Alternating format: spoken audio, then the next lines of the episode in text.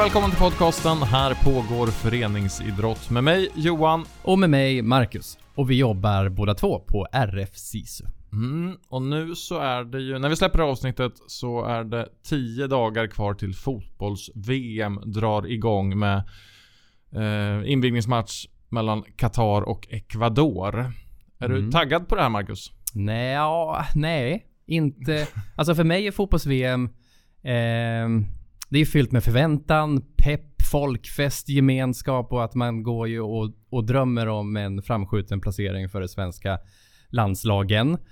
Eh, men eh, nej, inte så pepp för det här VMet. Det, det har ju kantats av ja, men, nyheter kring fruktansvärda behandlingar av gästarbetare, mänskliga rättigheter. Så peppen har uteblivit. Ja, det hjälper ju kanske inte heller att det spelas eh, på eh, vintern. Det brukar ju vara under sommarhalvåret och man kanske är ledig. Men precis som du är inne på så har det kanske fått ännu mera negativ publicitet kring fotbolls-VM just för att det går i Qatar. Eh, och ja, senast idag så när vi spelade in det här så, så läste jag en artikel i Aftonbladet där deras VM-ambassadör Khalid Salman beskriv, förklarar varför det är förbjudet med homosexualitet i Qatar med att säga att, eh, att det är en skada i sinnet. Så att det finns ju många saker runt omkring det här som det känns inte bara bra, så att säga. Nej, det går ju inte riktigt i linje med vad Sverige och svensk idrottsrörelse står för. Nej, så är det. Eh, och för att ta oss an de här frågorna idag, för att vi ska prata lite kring dels det här, liksom kring Qatar och det som händer där. Och det är ju inte första gången ett mästers- mästerskap går där. där vi har haft friidrotts-VM, vi har haft handbolls-VM, vi har haft boxnings-VM och vi har haft världscuptävlingar i flera andra stora idrotter eh, årligen. Eh, Så att det är ju inte första gången någonting händer, men det har ju verkligen lyfts upp på tapeten. Och en, en, en av de som har gjort det är ju sportjournalisten Olof Lund som har släppt en bok som heter Templet i öknen. Eh, så vi tänkte att vi skulle prata kring de här frågorna med honom. Olof har ju under ganska lång tid funderat och försökt liksom Ja, funderat hur han själv förhåller sig till de här frågorna. För det är inte helt lätt att veta hur man ska förhålla sig till Qatar. Vad får det för konsekvenser för andra eh, förhållningssätt till saker? Både inom idrotten och i, i övrigt. Olof eh, är inne mycket på det här sportwashing och den medvetenhet som kanske har kommit den senaste, bara, den senaste tiden så har medvetenheten kring sådana här frågor eh, lyfts upp på ett helt annat sätt. Eh, så, som du säger, det är inte första gången någonting sker i Qatar, men vi har ju också andra stora idrottsliga och andra evenemang som har skett i ja, men till exempel Ryssland eller Kina eller eh, andra länder där, där det inte har varit lika mycket fokus på sånt här. Så att det känns som att det är en relativt ny företeelse att lyfta upp det på bordet. Och jag tycker att Olof är en perfekt person att prata kring de här frågorna med. Mm.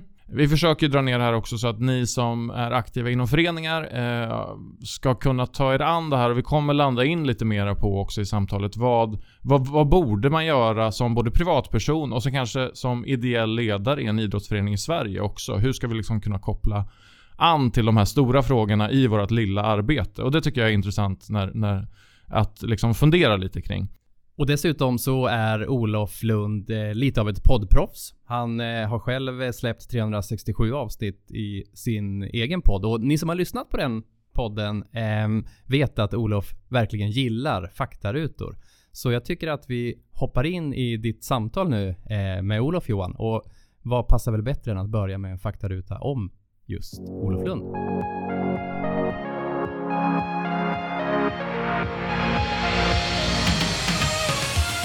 Jag vet att du gillar faktarutor så jag tänkte vi skulle vända lite på det idag. Att du skulle få svara på en faktaruta istället. Ja. ja. Eh, börja med ålder. Eh, Får jag tänka efter 56. Vart bor du? I Stockholm. Familj. Två eh, vuxna barn och en särbo. Utbildning. Ja, där har jag en jävla massa högskolepoäng. Och, eller för mig mycket högskolepoäng. Jag tror jag har 250 på den tiden. Det var 20 poäng per termin eller något.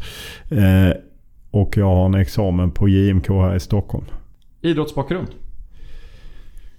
Eh, jag har mest spelat handboll i Lugi eh, men var inte så framstående för den generationen jag spelade med, Lugi 66, var väldigt många som var duktiga. Framförallt konkurrerade jag med, eller han som var, eh, jag spelade på linjen och han som var första given var Axel Sjöblad som sen eh, blev eh, landslagsman och vann VM-guld, OS-silver och massa annat. Han la ju av rätt tid för han pluggade men det var ett Ja, men det känns som att nästan hela första, elv, första sexan eh, spelade dit. Sen många nådde landslaget. Peder Kjell, Danne Roth, Patrik Åsvärd. Ja.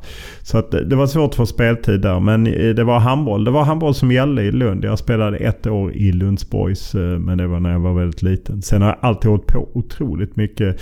Alltså det då hade man ju en tur när man bodde i Lund med studentidrotten. Så vi spelade både innebandy och fotboll. Och detta var innan innebandy blev vad den är idag. Det var lite hårdare tag i källaren. Det var som att spela, eh, spela i Philadelphia Flyers på 70-talet ungefär. Källaren i, på Sparta där alla studenter spelade. Men det gjorde vi redan från högstadiet. Så att jag har alltid varit nära idrotten på det sättet. Alltid hållit på väldigt mycket. Vi spelade mycket fotboll i både Korpen och i universitetsserien. Just det. Lön? En bit över 100 000. Vad läser du för något? Just nu eh, alldeles för lite. Eh, jag har läst eh, Lunaba och om Malmö-killen, basketkillen. Som han tog hand om. Jag har läst halva Cervenkas om det giriga Sverige. Så att några sådana har jag hunnit med men tyvärr inte tillräckligt mycket. Jag var på bokmässan. Köpte jag med mig mycket böcker hem. Jag har tyvärr inte hunnit läsa alla. Och sen faktiskt också läst givetvis Patrik Ekwall, min kollegas starka eh, skildring av när hans fru gick bort. Just det. Vad lyssnar du på då? Eh, en blandat eh, musik och eh, en del podcast. Jag lyssnar alltid på media. Jag brukar lyssna på Expressens media. Lägga ut ibland söndagsintervjun, ibland Filip Fredriks podcast. Vem har du som förebild? Eh, det borde man ju ha. Eh, det beror väl på lite olika. Vad, men det är klart att en, eh, en sån som Mats Olsson betyder väldigt mycket för mig. När han, alltså nu känner jag honom ehm, och har jobbat med honom. Men då när jag läste honom, framförallt i början på 90-talet. Han började som sportkrönikör. Det var då jag verkligen började läsa honom. Jag vet ju att många hade läst honom innan dess. Men då läste jag honom väldigt mycket. Han var ju en förebild. Jag gillade väldigt mycket Åke Jönsson som var eh, sportkrönikör på Sydsvenskan eh, på 80-talet och som nu är författare i, Landskrona och skrivit böcker om både Landskrona stad och Landskrona Boys. Och, även för jag har aldrig bott i Landskrona så kom min pappa därifrån så jag har alltid haft en stark relation. För jag började hålla på Landskrona Boys när jag fick en boystreck när jag var sex år. Så att, eh, det är väl några stycken men det finns många. Åke Stolt, eh, Karin Thunberg tycker jag gör fantastiska intervjuer i Svenska Dagbladet. Mm. När grät du senast? Eh, det kommer jag inte ihåg men det gör jag ganska ofta. Jag är rätt lättrörd. Jag kan bli rörd bara jag läser om något öde i eh, Ukraina eller något annat så kan man bli, eller de scenerna från eh, Iran. Unga flickor och tjejer står upp mot regimen. Mm. Det är sånt som kan mm. göra mig rörd. Du för oss ju lite in på det vi ska prata om idag, eh, tänker jag ändå på något sätt. Det är liksom de stora frågorna kring idrotten egentligen. Du har ju skrivit den här boken som du nämnde då. Eh, Templet i öknen. Vad handlar den om?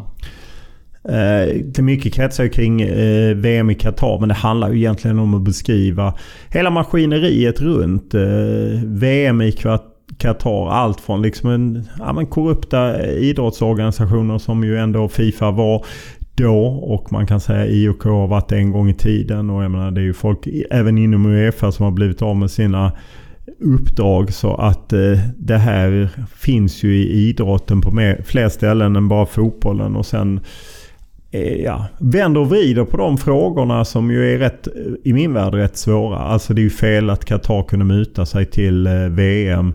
Men man får ju säga att det berodde ju mer på att Fifa var korrupt. Och det är så lätt att glömma bort att Sydafrika också mutade sig till VM och det gjorde Tyskland också. Och eh, säkert många därtill innan det. Så att eh, Qatar tog sedan dit man kom och sen gjorde man det lite mer bara. Mm. Sen ska det sägas för att innan någon ringer in från Qatar att det finns inga...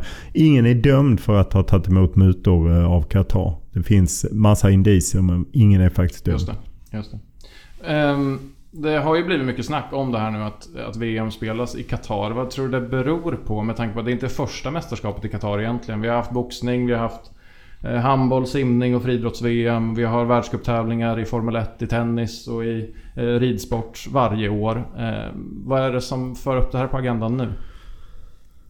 Framförallt att det är ett större mästerskap.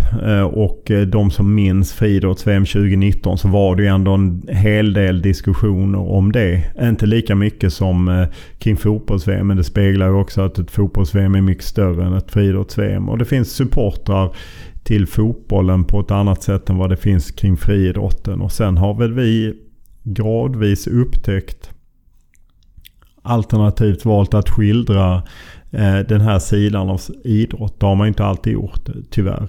Eh, och där är, det skriver jag också om i min bok att eh, vi är många medier som har ja, men brustit i vårt jobb där helt enkelt och inte gjort det ordentligt. Mm. Men vad skulle du säga, vad är liksom problematiken kring det här? Är det att vi har ett eh, VM i Qatar nu eller är det att vi har haft korrupta eh, idrottsorganisationer där det har gått att eh, ja, men muta sig till möjligen mästerskap. Då vi har inga bevis men indicier. Alltså det, det, är ju det som är att eh, det vill man ju att det skulle vara ett enkelt svar men det är det ju inte. Utan alltså problemet med det är ju dels eh, att eh, Fifa lät den här processen gå och att man då var liksom, man hade ingen insyn eh, i vem som röstade på vad och eh, att Qatar då och Ryssland. Eh, för även de finns ju indicier kring att de också köpte sitt mästerskap 2018. Ja, att de, det är ju ett problem. Sen finns det ju massa problem med Qatar som land. Om man, åtminstone om man kommer från ett demokratiskt land som du och jag gör så är det klart att man kan se på allt från kvinnors rättighet till Eh, homosexuellas rättigheter till eh, migrantarbetares rättigheter som är där och bygger om eh, landet. För man ska konstatera att VM är ju bara en del av den enorma metamorfos som landet gått igenom. Man har ju gjort mycket mer än bara satsat, byggt de här sju arenorna. Man har byggt ny flygplats, tunnelbana, vägar, hotell, allt möjligt. Man har ju blåst in någonstans mellan 1500 och 2000 miljarder kronor och gjort om det här landet som är stort som Skåne. Eh, och det är ju migrantarbetare som har gjort det. Och det är även fall en migrantarbetare ser det som en chans att komma till Qatar så blir de tyvärr ofta lurade eh, på vägen dit. De måste skuldsätta sig. De får inte så mycket lön som de har sagt. De har inga rättigheter. De kan inte byta arbetsgivare. Ja, de är helt enkelt rättslösa och ett rikt Qatar utnyttjar eh, fattiga människors utsatthet det jag hör dig säga kring det här blir då någon typ av liksom värdegrund eller mänskliga rättigheter egentligen i grunden. Vad, liksom, vad drar man gränsen då för det? Vad är, vad är ett okej land att vara i och vad är inte ett okej land? Ja, och det, är, det är ju jättesvårt att säga. För jag menar, man kan ju påpeka att USA har ju dödsstraff och USA har ju bedrivit krig. Eh, gick ju in i Irak och det fanns ju inga massförstörelsevapen. Och det var inte så att någon kastade ut de från eh, fotbolls-VM för det. Eh, som hände med Ryssland som gick in i Ukraina. Eh, sen finns det naturligtvis eh, skillnader på, på de konflikterna. Men det här är ju jättesvårt. För just när man liksom värdegrund, moral är ibland svårt när det möter verkligheten. Eh, ett färskt exempel tycker jag är som gäller svensk idrott är ju dels hur Peter Reinebo, eh, SOKs avgående verksamhetschef, säger att det Henrik Stensson har gjort strider mot eh, SOKs värdegrund eh, och det de står för. Och för mig är det, det säger en man som tog eh, idrottare till Peking två gånger om och till Sochi och där man till och med senast i Peking tyckte det var okej okay att idrottarna åkte till ett land där de inte vågade säga vad de tyckte om landet för de hade åkt hem igen. Ja, var är då värdegrunden? Och om man tar Stensson igen, Svenska Golfförbund som bryter med Stensson, deras partnerskap med Henrik Stensson. Han hade ju hjälpt dem med paragolf och, och lite så. Eh, och, men man bryter inte med sin mediapartner som är de som sänder Live Golf. Och jag menar Stensson är ju den som argumentet. Det är ju inte så att man sa att han fick x miljoner av en eh, stat vi inte kan stå upp för. Utan man hänvisade till att det är som en stängd liga, ungefär som superligan. Därför strider det mot oss. Och så, för jag menar man kan ju inte ge sig in i diskussionen för alla vet ju hur eh, golfvärlden är liksom insyltad i, i, eh, i Mellanöstern. Jag menar bara det att Europatouren numera heter DP World Tour efter ett företag i Dubai. Så att det är ju det som är det svåra. Att när liksom det man vill ska vara ett enkelt hugg är inte så enkelt. För Golfförbundet tyckte säkert att det var rätt enkelt kanske inte hade tittat hela vägen utåt. Oj, våran mediapartner är det första tv-blogg i världen som köpte rättigheterna till Livgolf. Eller om de fick dem. För jag menar, Livgolf försöker ge bort dem. För ingen vill ju sända den i mm. USA till exempel. Ah, det bara, det bara, och jag ska inte liksom de via Play som sänder det. Jag menar, jag jobbar på TV4 och SVT. Vi har eh, eh, VM i Qatar.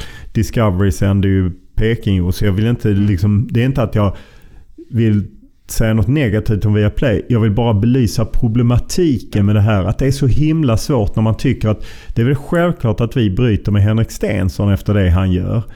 Och så tycker inte jag att det är lika självklart för att det blir svårt.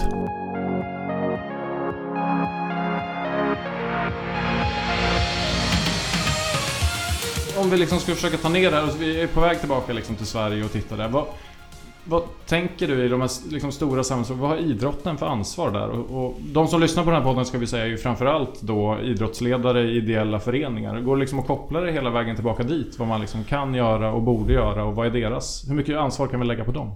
Ja, men det är ju fel att lägga något ansvar på dem. Jag menar den som är med i eh, Lugi, eftersom det är den klubb jag har mm. växt upp med. Den som är medlem i Lugi är ju på något sätt liksom medlem i RF och liksom därmed, och jag menar Lugi skickar Olympias och Sveriges Olympiska Kommitté. Så att man har ju en liten del, men man ska ju ha respekt för att det är otroligt långt från att jag är föräldratränare i Lugis åttaåringar till liksom Björn Eriksson och Gunilla Lindberg och så. Men jag menar, det är ju så det ser ut. Det är ju mm. där man sitter ihop. Men Ja, men det man kan göra är väl egentligen i så fall prata om de här sakerna och belysa de här sakerna och faktiskt också våga belysa det som är svårt med det.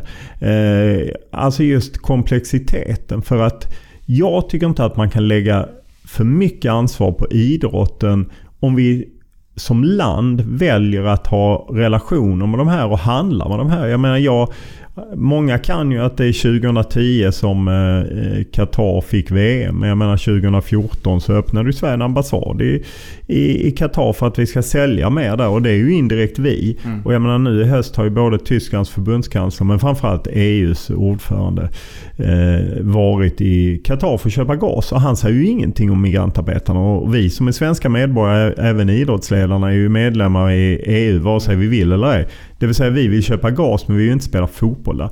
Ah, det är jättesvårt. Men jag, det är ju klart att man kan prata om det och om det dyker upp ett fotbolls Ska man se på fotbolls-VM eller inte?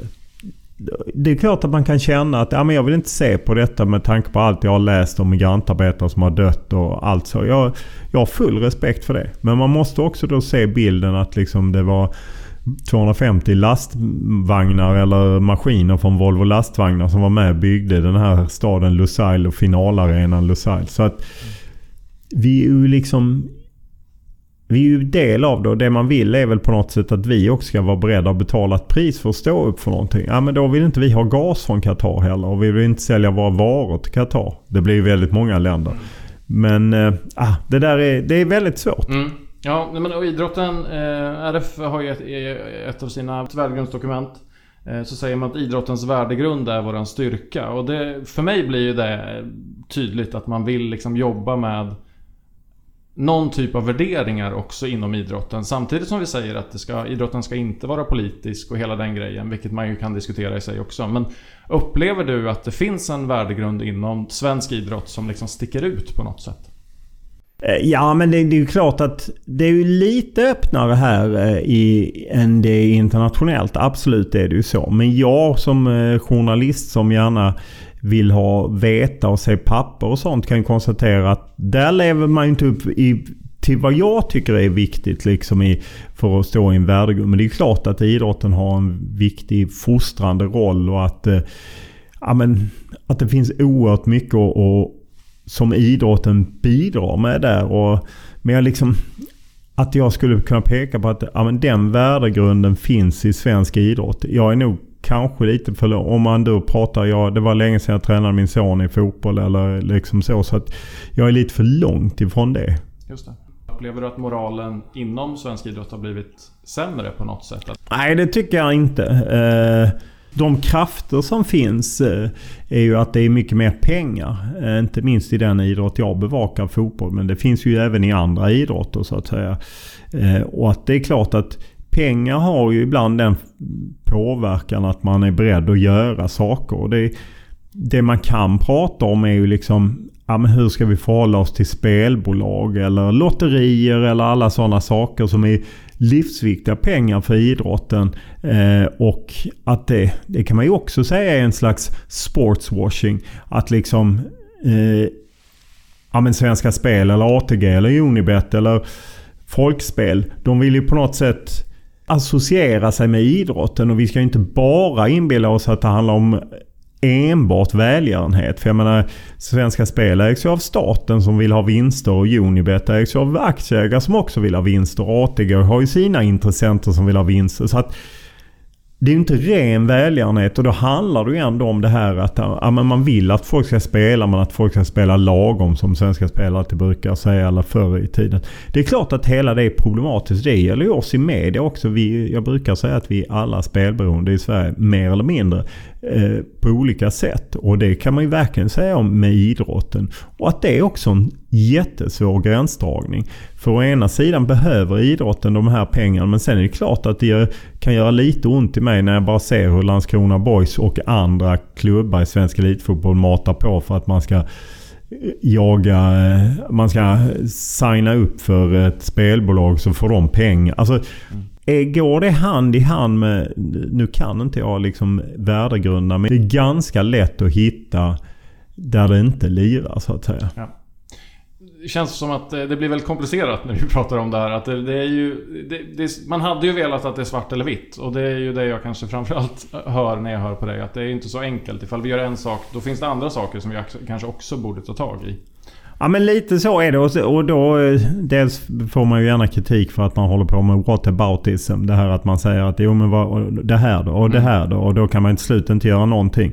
Och jag kan förstå den frustrationen. Men för mig jag har liksom landat. Detta är inget jag har tänkt på i eh, tio minuter och säger. Utan jag har landat i detta över flera år faktiskt. Och där jag liksom brottats med mig själv. Om man bara tar Qatar-VM. Ja men hur ska jag förhålla mig till? Jag har ju kollegor som inte tycker att liksom här går gränsen. Eller jag åker inte dit. Eller de tycker att det är helt otroligt hur någon kan sända det, åka dit och jobba. Allt det här. Så att, men jag har liksom landat i att jag jag kan inte bara isolera Qatar-VM eller OS i Peking eller eh, spelfrågan. Eh, det, det, blir, jag kan inte helt ja. enkelt. Eh, sen kanske det finns de som kan och då är de eh, välkomna till det. Men jag kan inte det. Ja, det vill vi gärna höra i den här podden också. Så ifall det är någon som lyssnar och vill förklara det här nu för oss så får, vi, får de hemskt gärna höra av sig.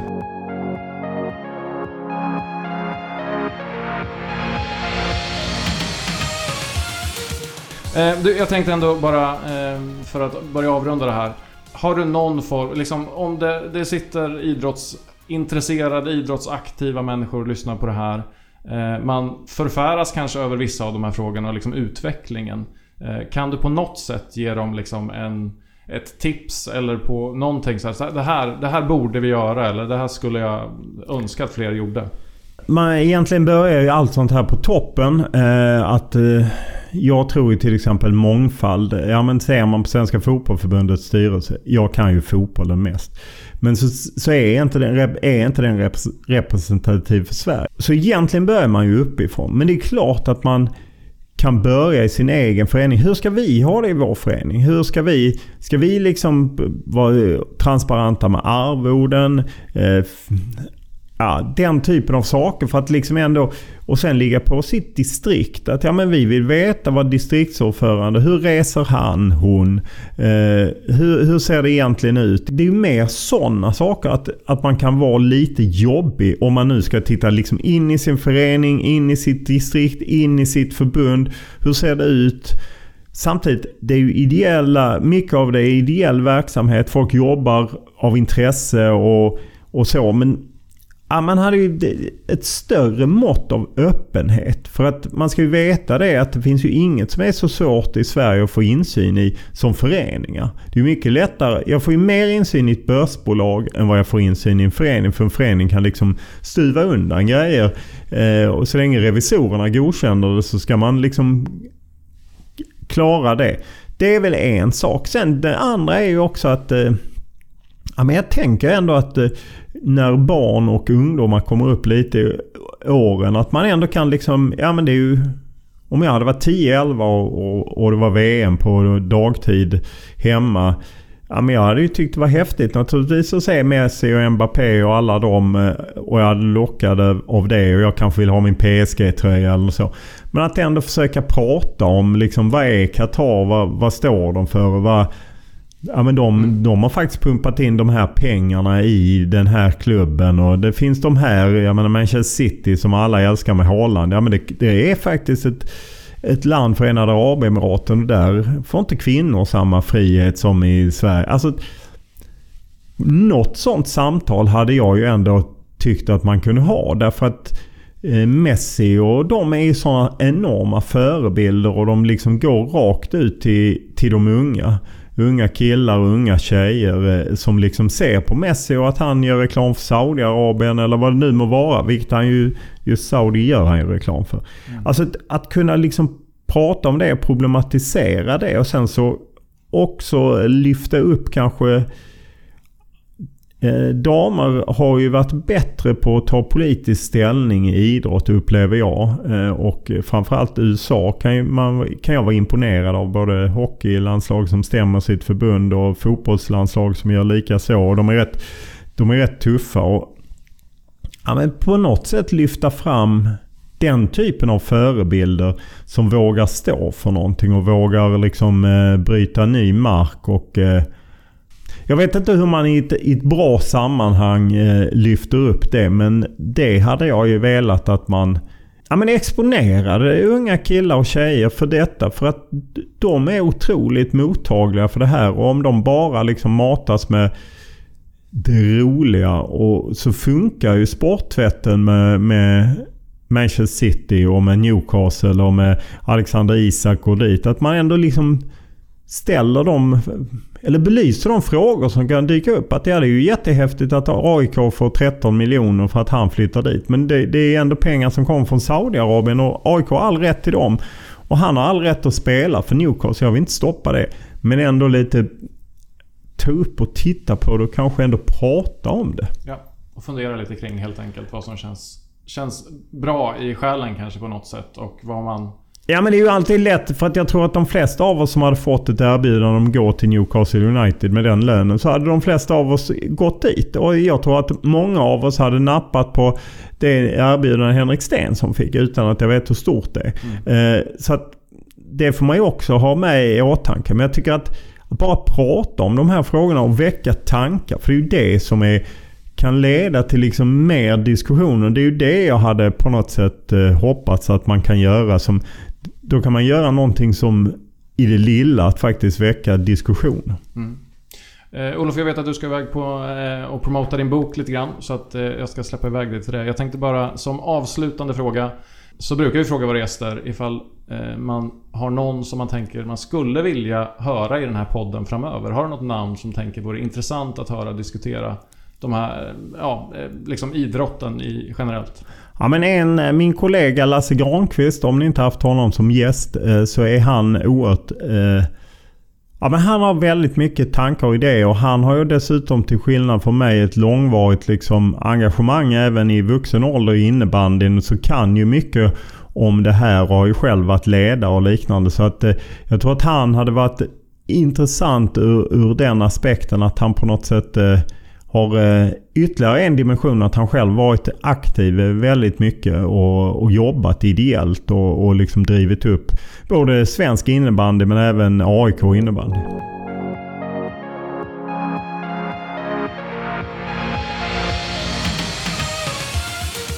Vi tackar Olof Lund för sin medverkan i våran podcast och eh, som vanligt Johan, jag vänder mig till dig och frågar eh, vad tar du med dig från ditt samtal med Olof? Jag tar med mig att jag tycker att det är väldigt kul att diskutera frågor, kanske framförallt komplexa frågor med människor som har tänkt mycket kring det och har eh, liksom ändå landat i någon form av känsla kring en fråga. Eh, det gör ju att diskussionen blir, blir intressant, tycker jag i alla fall. Mm. Eh, men sen ifrån det så kan man ju börja fundera på, men vad, vad gör vi utav det här då? Det är väl där jag någonstans har land, liksom är just nu i alla fall. Utan att ha riktigt landat. Vad drar jag min gräns, så att säga? Vad liksom... Ifall jag tar ett beslut om att inte titta på VM i Qatar till exempel. Varför gör jag det när jag tyckte det var okej att kolla på friidrotts-VM i Qatar? Eh, eller att jag tyckte det var okej att kolla på OS i Peking? Eller var går min gräns? Och det här gör ju att man blir ganska liksom förvirrad och eh, det finns mycket att fundera kring helt enkelt. Och det tycker jag Olof tydliggör på ett väldigt, väldigt effektivt sätt. Ja, verkligen. Jag håller med där. Och, eh, Olof har ju funderat och jobbat kring det här under en lång tid. Eh, och det, det, som, det som är tydligt är ju, som du är inne på, hur komplext det är. Liksom. Och jag tänker att han är ju inne på saker som hur svårt det är, hur svårt det också är att vara konsekvent och göra rätt då inom situationstecken. Det här, jag tycker att exemplet med Svenska Golfförbundet är ett, ett tydligt sånt när de avbröt samarbetet med Stensson som trots allt har gjort väldigt mycket gott för svensk golf. Men håller kvar eh, samarbete med mediapartner och sådär. Och, det, och det, är så, det är så många nivåer och det är så svårt och stort så att man känner sig rätt liten som individ i allt det här. Och, och det är ju tydligt att det är ett väldigt, väldigt komplex fråga. Och då är det, det är väldigt skönt att, att lyssna till Olof som har resonerat och landat i, i någon sorts ställningstagande. Och... Han har ju egentligen landat i att det är komplext. Det är Ja. som är känslan också. Ja, det, Så det, det, är svårt, det är svårt att få med sig några riktiga tydliga svar att så här ska man göra. Eh, men det jag tänker ändå är ju att det är jättebra att det diskuteras eh, och jag försöker låta bli att bli liksom lamslagen utav det komplexa i frågan och försöka ändå fundera kring okej, men vad kan jag göra? Hur kan det se ut på ett tydligt sätt? Och jag tycker att det finns exempel som Olof lyfter och som vi kan eh, liksom fundera kring som vi ändå kan jobba med i våra föreningar också. Där vi kan försöka åtminstone synliggöra vad som händer i våran idrottsvärld på olika sätt. Eh, och där tycker jag att vi ändå kan ha ett ansvar som idrottsföreningar för att vi når väldigt många unga.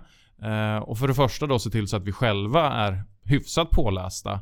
eh, för att sen kunna vara goda förebilder för de som vi är tränare för och sådär. Men ehm, den här frågan då liksom kring liksom sportwashing och um, egentligen värdegrundsfrågor i, i grund och botten. Ehm, hur lyfter vi det på ett bra sätt i våra idrottsföreningar skulle du säga? Det är ju det är också en komplex fråga, men det kanske inte behöver vara så komplext. Jag tänker att du, din utgångspunkt är ju väldigt bra där. Eh, att eh, själv resonera och eh, fråga sig själv vart drar jag, vart, vart, vart har jag mitt ställningstagande någonstans?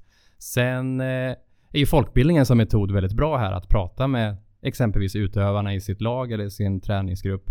Och då kanske man ska ta in frågor om man, om man nu ska prata om, om det så kan man diskutera frågan i stort och skapa medvetenhet om det. Och jag tror att, för nu vet inte jag om det här är korrekt det jag säger, men det känns som att sociala medier och eh, att vi sitter sammankopplade på diverse appar förstärker det här. Att det, I och med att våra utövare förmodligen är mycket mer ute på sociala medier och, och får mer information ofiltrerat än vad kanske du och jag får.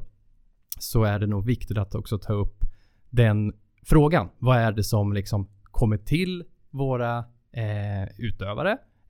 Hur förhåller man sig till det? Man kanske kan titta på de vilka sponsorer har vi i våran förening? Vad står de för? Vilka produkter säljer vi i våran förening? Vad står de företagen för?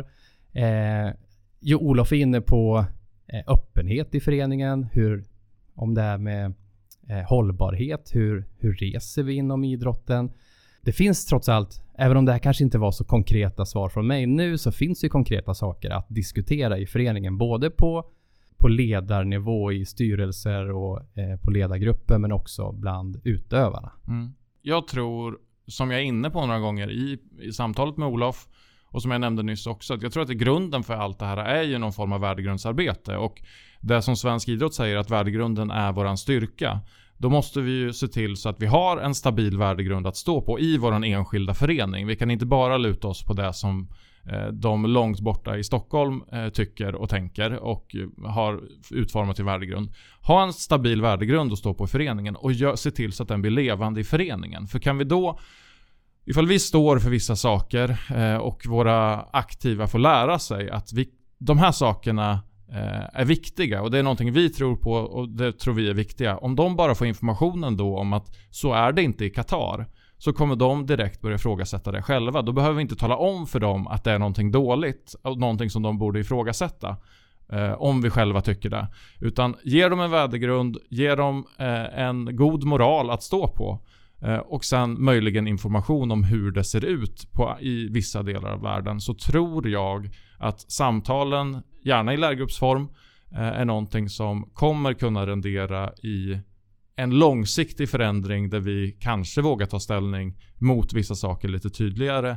Även i handling, inte bara i vad vi säger jag skulle vilja skicka med er det att eh, passa på nu när det är fotbolls-VM som väldigt många tittar på. Även om ni ägnar er åt en annan idrott så är fotbolls-VM någonting som ändå syns väldigt mycket. Det sänds på både SVT och TV4 och någonting som kommer liksom märkas av i samhället.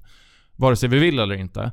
Eh, så passa på att ta den liksom eh, det tillfället i akt att kanske lyfta vissa frågor i, med era lag eller i er förening eh, kring att kunna jobba med vissa saker. För det är någonting ändå som belyses nu. Och jag är orolig att det kommer vara så att vi belyser det nu, sen är det ett VM och sen har vi i februari har vi glömt bort allt det här igen.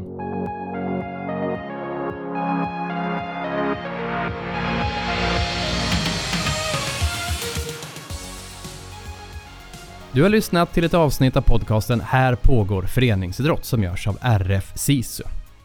Vill du som lyssnar komma i kontakt med någon av oss som gör podden så gör du det enklast via vårt Instagramkonto som heter Här pågår föreningsidrott ihopsatt i ett ord. Du kan också skicka ett e-post till oss på adressen podd rfsisu.se. Har du tips och idéer på en gäst som du gärna skulle vilja höra i våran podd så är du mer än välkommen att höra av dig till oss eller om du har andra frågor och funderingar kring våran podcast. Vi hörs igen om två veckor med ett nytt avsnitt. Jag hoppas du är med oss då.